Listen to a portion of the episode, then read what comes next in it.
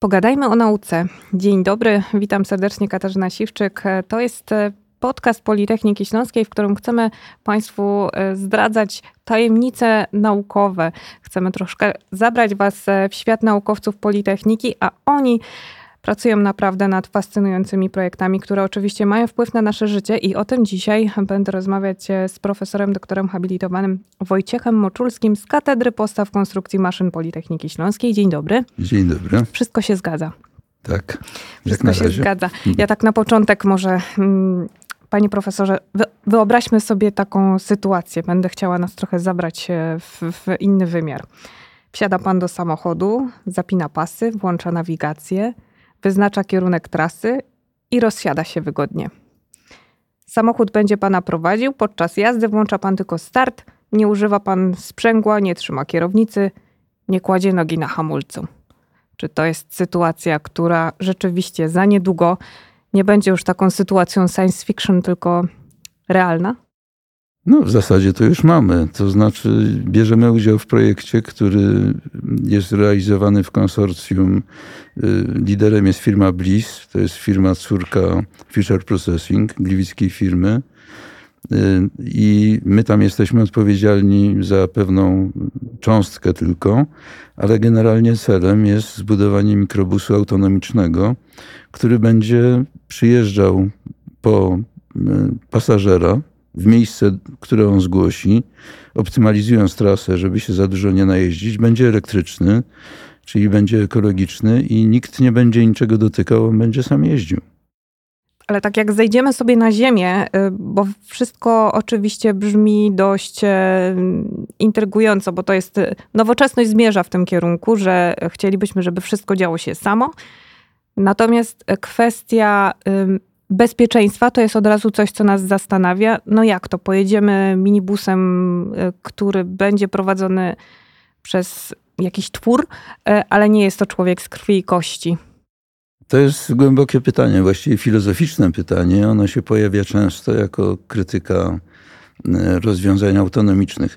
Ja może dodam, że w tej chwili, jak tu rozmawiamy, to właśnie na moim wydziale jest prowadzony egzamin z Autonomous Systems, z wykładu, który współprowadzę z panem doktorem Panfilem, którym wspólnie się zajmujemy jeszcze w większym zespole autonomią. E, Autonomię się zwykle w ten sposób krytykuje. Proszę Państwa, był jeden wypadek y, z Teslą, działającą w trybie autonomicznym, śmiertelny, o którym się dowiedział cały świat.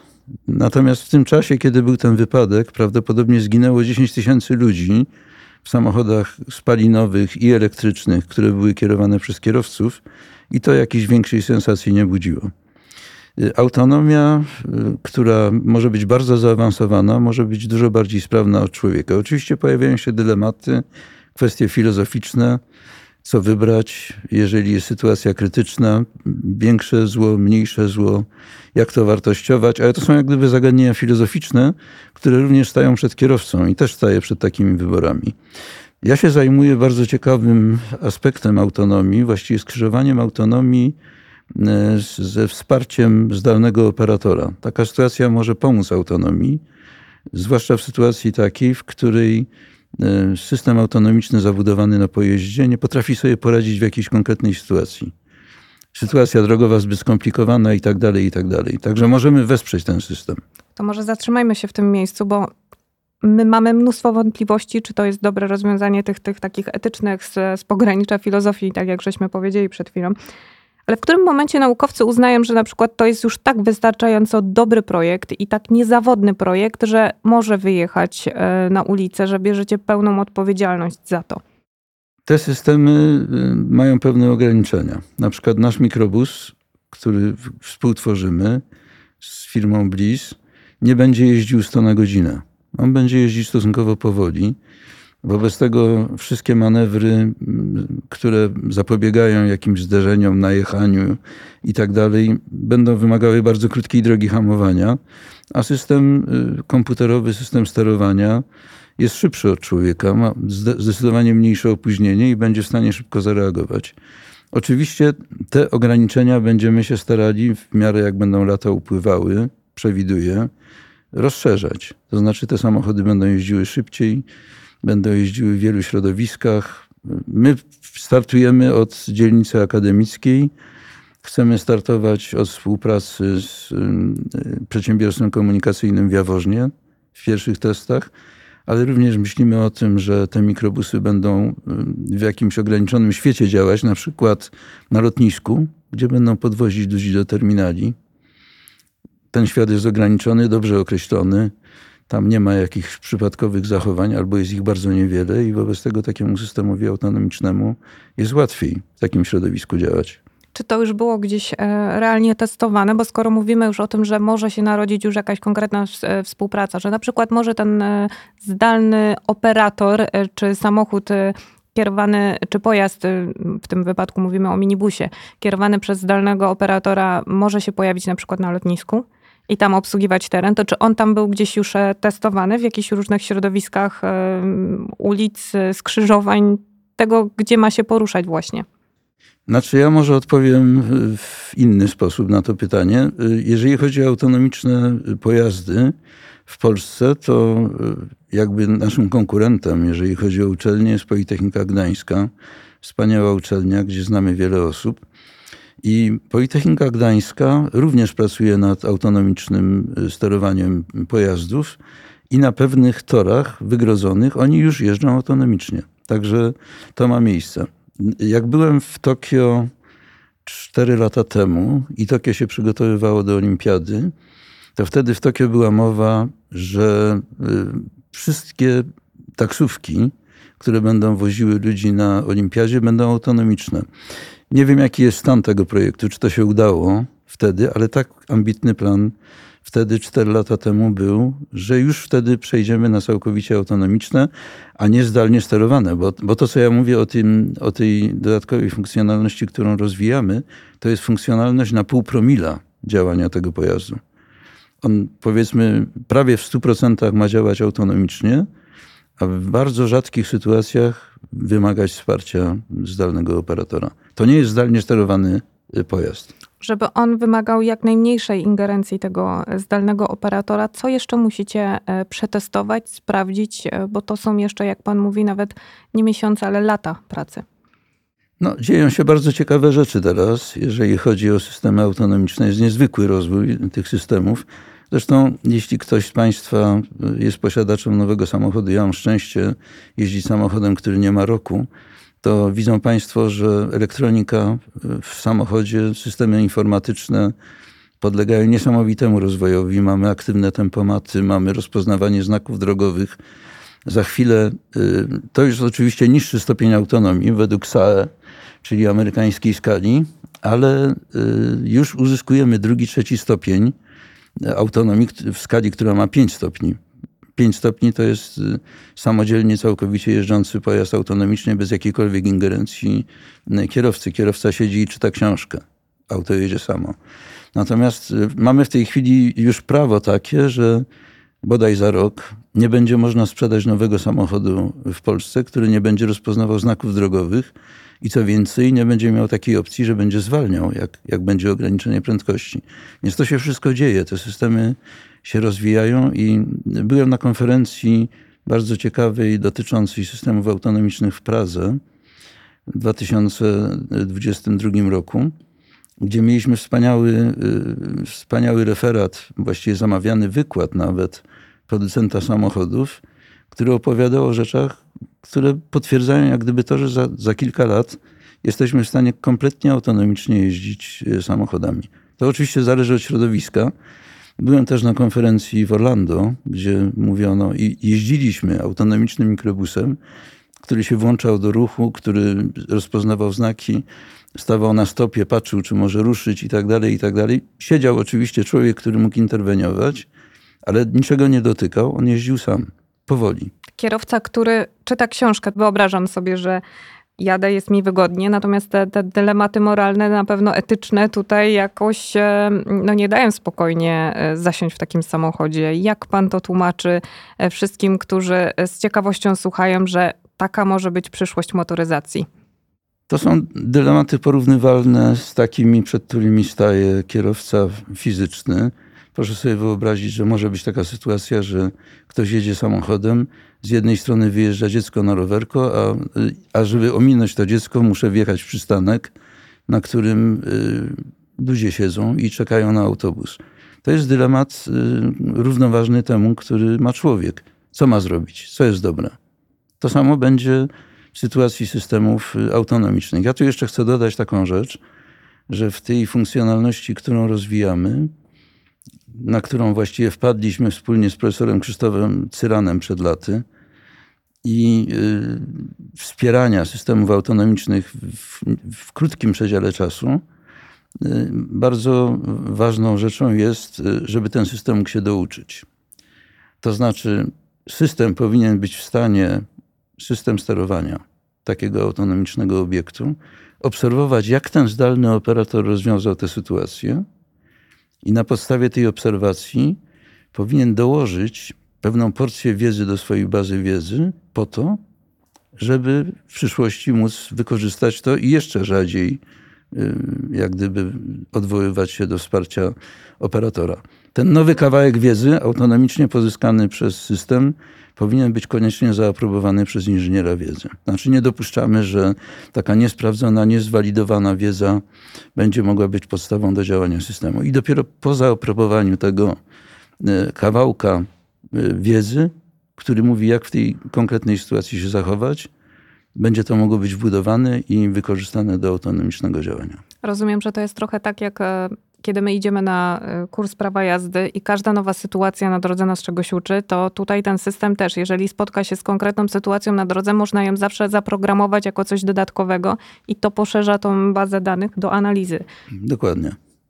Rozumiem. No dobrze. E, mamy sprawdzone wszystkie ewentualności zdarzeń w takim razie. Jest zgoda. A co z, pasaż z pasażerami? Czy tworząc tak innowacyjny produkt e, busa bez kierowcy, w skrócie mówiąc, zastanawiacie się nad tym, czy, nad tym, czy ktoś w ogóle będzie chciał wsiąść do niego, bo to trzeba też, myśmy tu już tutaj powiedzieli, że oczywiście trzeba mieć zaufanie do, do nauki. Natomiast jak tłumaczyć to szerszej publiczności, bo to ma być produkt, który rzeczywiście będzie mógł wszystkim służyć, ale nie wszyscy jeszcze są do tego przekonani. To jest bardzo ciekawy wątek w naszej rozmowie. Powiem tak, że Wspomniałem o tym projekcie mikrobusu, który realizujemy wspólnie z e, firmą Bliss. My jesteśmy konsorcjantem w tym projekcie. E, tam między innymi e, dużą uwagę przykłada się do doskonałego interfejsu pasażera.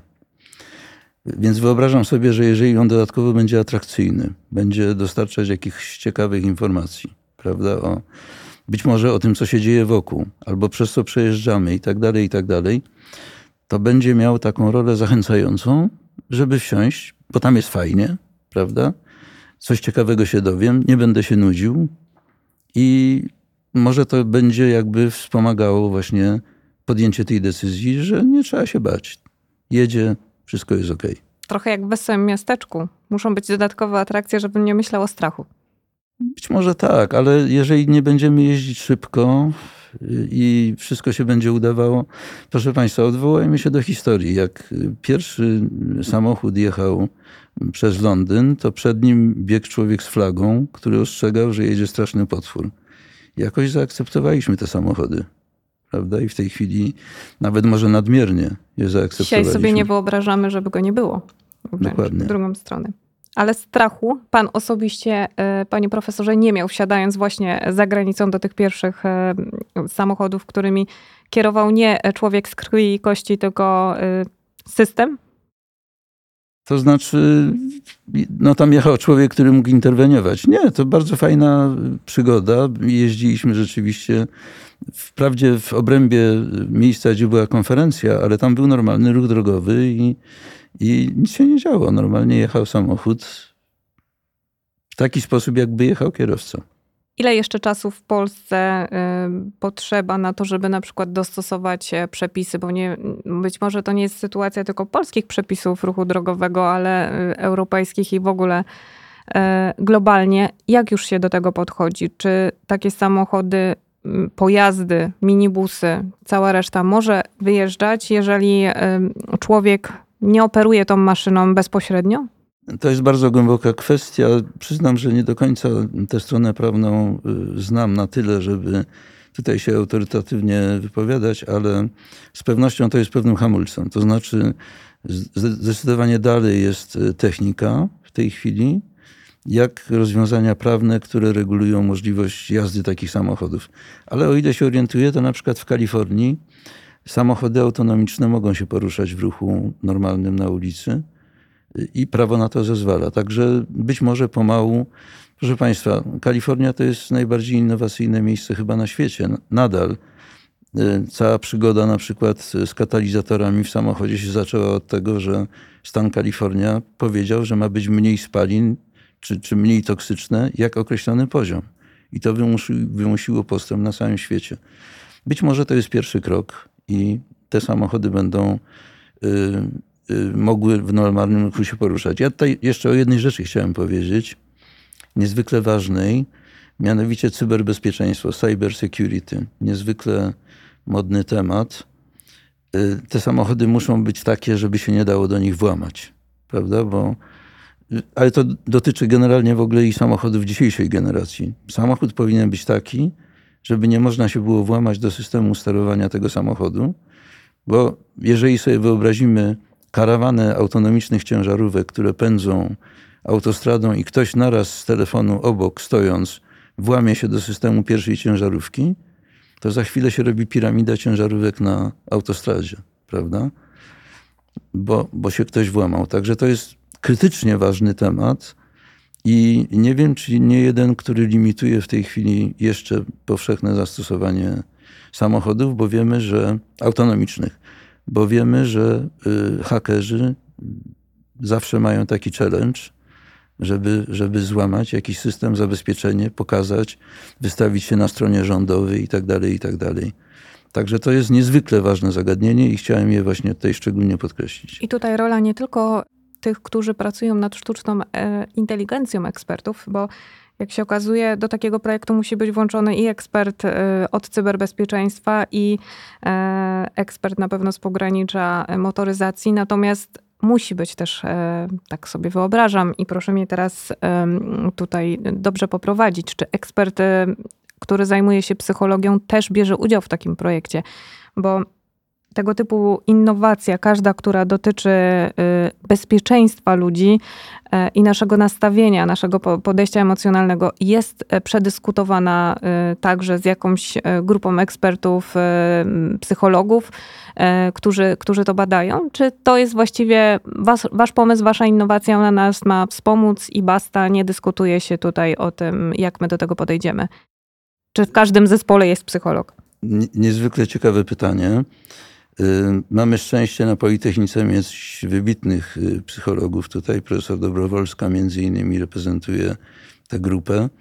Y, jest niezbędny psycholog, dlatego że po prostu ten, ten świat techniczny musi być akceptowalny przez człowieka, musi być przyjazny dla tego człowieka, musi być dobrze postrzegany. Interfejsy, które, w które wyposażamy te środki techniczne, muszą być czytelne muszą nie wymagać y, przeczytania 500-stronicowego podręcznika, żeby można było coś banalnego zupełnie zrobić prawda, w, tym, w tym samochodzie. I tutaj uważam, że rola y, psychologa jest niezwykle istotna. Powinniśmy ich angażować i pytać, prosić o ocenę, poprawiać, po to, żeby to, co tworzymy, było przyjazne dla pasażera, no bo tam już kierowcy nie będzie, prawda? Dokładnie tak. I w związku z tym, że trochę tutaj wchodzimy w te e, filozoficzne e, rozmyślania, zastanawiam się, czy przyszłość zmierza w tę stronę, że lepiej będzie ufać robotom niż ludziom, ale to już takie rzeczywiście e, pytanie, panie profesorze, nie dla pana, do pana jako naukowca, ale do pana jako człowieka. No to jest bardzo filozoficzne pytanie, bardzo głębokie. Przyznam, że, że jakoś trudno mi na nie odpowiedzieć. No, robot będzie jest, jest jakaś taka niesłychanie głęboka granica pomiędzy jednak intuicją, postrzeganiem, jakimś całym, powiedzmy, bagażem kulturowym, który mamy i tak dalej, i tak dalej, który wydaje mi się, że będzie trudny do y, przekazania w pełni robotowi. Robot będzie w głównej mierze jednak działał algorytmicznie, czyli według jakiegoś określonego programu, być może posługując się elementami sztucznej inteligencji, które na przykład mogą powstać na skutek uczenia maszynowego z wykorzystaniem różnego rodzaju przykładów, ale być może jakiegoś przykładu zabraknie i robot się czegoś nie nauczył. Prawda? I będzie tragedia. I nie będzie wiedział. No, pytanie, czy tragedia, bo, bo tutaj. Na drodze. Na drodze. Na drodze nie jest tak źle, dlatego że ja jestem pilotem samolotów też. Jeśli by nie wiedział samolot autonomiczny, co ma zrobić w powietrzu, to musi dalej lecieć. Prawda? Samochód y, autonomiczny może zjechać na pobocze, włączyć światła awaryjne i na przykład skontaktować się ze zdalnym operatorem, a samolot musi lecieć. Także wydaje mi się, że te sytuacje na drodze nie są aż tak dramatycznie krytyczne, dlatego że jednym z wymagań tych stopni autonomii, o których wspominałem według SAE, amerykańskiej skali, jest to, aby system autonomiczny potrafił zjechać właśnie w bezpieczne miejsce i przejść do takiego stanu, który zapewnia bezpieczeństwo jemu i innym użytkownikom ruchu. W ruchu drogowym w zasadzie to jest prawie zawsze możliwe. Co jeszcze w tych wymaganiach się znajduje? Co jeszcze wy, jako naukowcy, pracując nad tym projektem, musicie wziąć pod uwagę? No, bierzemy pod uwagę efektywność energetyczną w znacznej mierze. Tutaj chcę powiedzieć, że w zespole, w którym mam szczęście pracować, są wybitni naukowcy, którzy interesują się właśnie optymalizacją zużycia energii. E, no, w szczególności robimy to w projekcie, który w tej chwili realizujemy w ramach programu polsko-norweskiego gdzie budujemy dron, który ma latać właściwie nieskończenie długo, bo ma wykorzystywać energię słoneczną. Myślę, że ten aspekt energii jest ważny. W tej chwili, no chociażby taki prosty przykład za tym przemawia, że samochód elektryczny, który wykorzystuje zasilanie bateryjne w tej chwili, waży o wiele więcej od samochodu spalinowego. Dlatego, że te baterie są ciężkie, prawda? A więc na pewno pójście w kierunku jakby większej gęstości energii, która jest możliwa do uzyskania być może przez nowe generacje baterii, których jeszcze nie znamy, prawda? To jest coś, co jest interesujące bardzo w stosunku do tych rzeczy zasilanych, dlatego że przede wszystkim myślimy o zasilaniu elektrycznym, chociaż w naszym zespole jest pogląd, że jeżeli chodzi o zasilanie y, pojazdów, w tym autonomicznych, to rozwiązaniem jest wodór, czyli po prostu jednak zbiornik z wodorem w samochodzie, który zasila mm, ogniwo paliwowe, które wytwarza prąd zasilający silniki elektryczne napędzające ten y, pojazd. Zatoczyliśmy duże koło. E, porozmawialiśmy trochę o sztucznej inteligencji, porozmawialiśmy o tych naszych dylematach, czy rzeczywiście jeszcze tym robotom ufać w pełni. I na koniec e, chciałabym zaznaczyć, że pan profesor jest e, opiekunem koła naukowego, które właśnie sztuczną inteligencją się zajmuje, więc jeśli ktoś ma jeszcze, e, czuje niedosyt po tej naszej rozmowie, na pewno może dołączyć i, i dowiedzieć się więcej u was, czym aktualnie koło naukowe się zajmuje. No, zaczęliśmy od robotów mobilnych. Nazywamy się IMET od konferencji, która kiedyś była organizowana również przeze mnie, AIMET od Artificial Intelligence Methods. To była konferencja, na której gościliśmy największe sławy z zakresu sztucznej inteligencji, łącznie z profesorem Lotfi Zadechem, który już niestety nie żyje, twórcą teorii zbiorów rozmytych. Natomiast koło zaczęło od robotów mobilnych, ale w tej chwili rozwija się w kierunku aplikacji związanych na przykład z łazikami marsjańskimi, startujemy w zawodach, rozwijamy się w zakresie dronów. E, bardzo ciekawy nurt, który jest w tej chwili podejmowany, to inteligentne zabawki dla dzieci z niepełnosprawnościami. Także tutaj nawet e, nasza koleżanka, pani doktor Muzalewska wraz z zespołem studentów zdobyła wyróżnienia na, na konkursach za to właśnie bardzo ciekawe działanie dotyczące dzieciaków niepełnosprawnych. Fascynujące projekty, e, wszystkie oczywiście bardzo istotne. E, sztuczna inteligencja e, jednak potrafi przynieść nam dużo dobrego. Kto może dołączyć do koła, jeżeli chce wziąć udział w tych projektach? Czy to tylko studenci, czy również naukowcy z innych branż? Kogo oczekujecie? My mamy w tej, to jest koło między, międzywydziałowe, to znaczy w przeważającej liczbie jak gdyby są studenci z Wydziału Mechanicznego Technologicznego, czyli naszego macierzystego wydziału, ale są studenci z Wydziału Automatyki, Elektroniki i Informatyki, są z Wydziału Elektrycznego, są z Wydziału Matematyki, także jest wiele osób.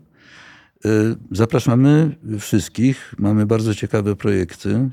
No, trochę narzekamy na finansowanie, jak wszyscy, ale liczymy na to, że na uczelni badawczej, którą jesteśmy jako Politechnika Śląska, dla tych młodych ludzi, którzy się dynamicznie rozwijają i mają wspaniałe pomysły, będzie trochę środków, żeby mogli je realizować.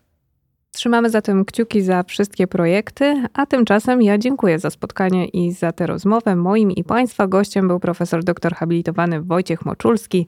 Dziękuję. Dziękuję bardzo.